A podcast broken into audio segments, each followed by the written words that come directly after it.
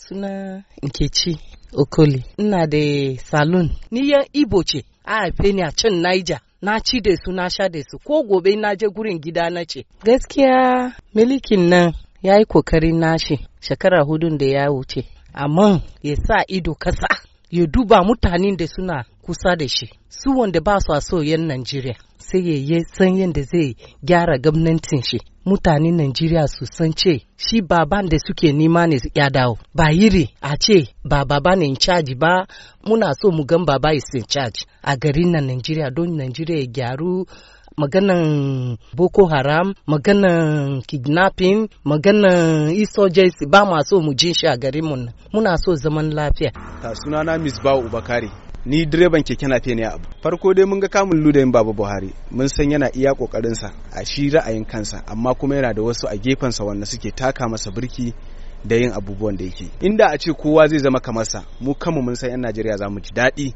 fiye da yadda kowa ke tunani. Kuma a yanzu ma alhamdulillahi wasu sun san yana aiki wasu kuma ba su san yana yi ba. Amma mu da muka san yana yin aikin mun fi wanda ba su san yana yi ba yawa. Sai dai muna mar fatan alheri ubangiji Allah ya bashi ikon tafiyar da mulkin sa lafiya.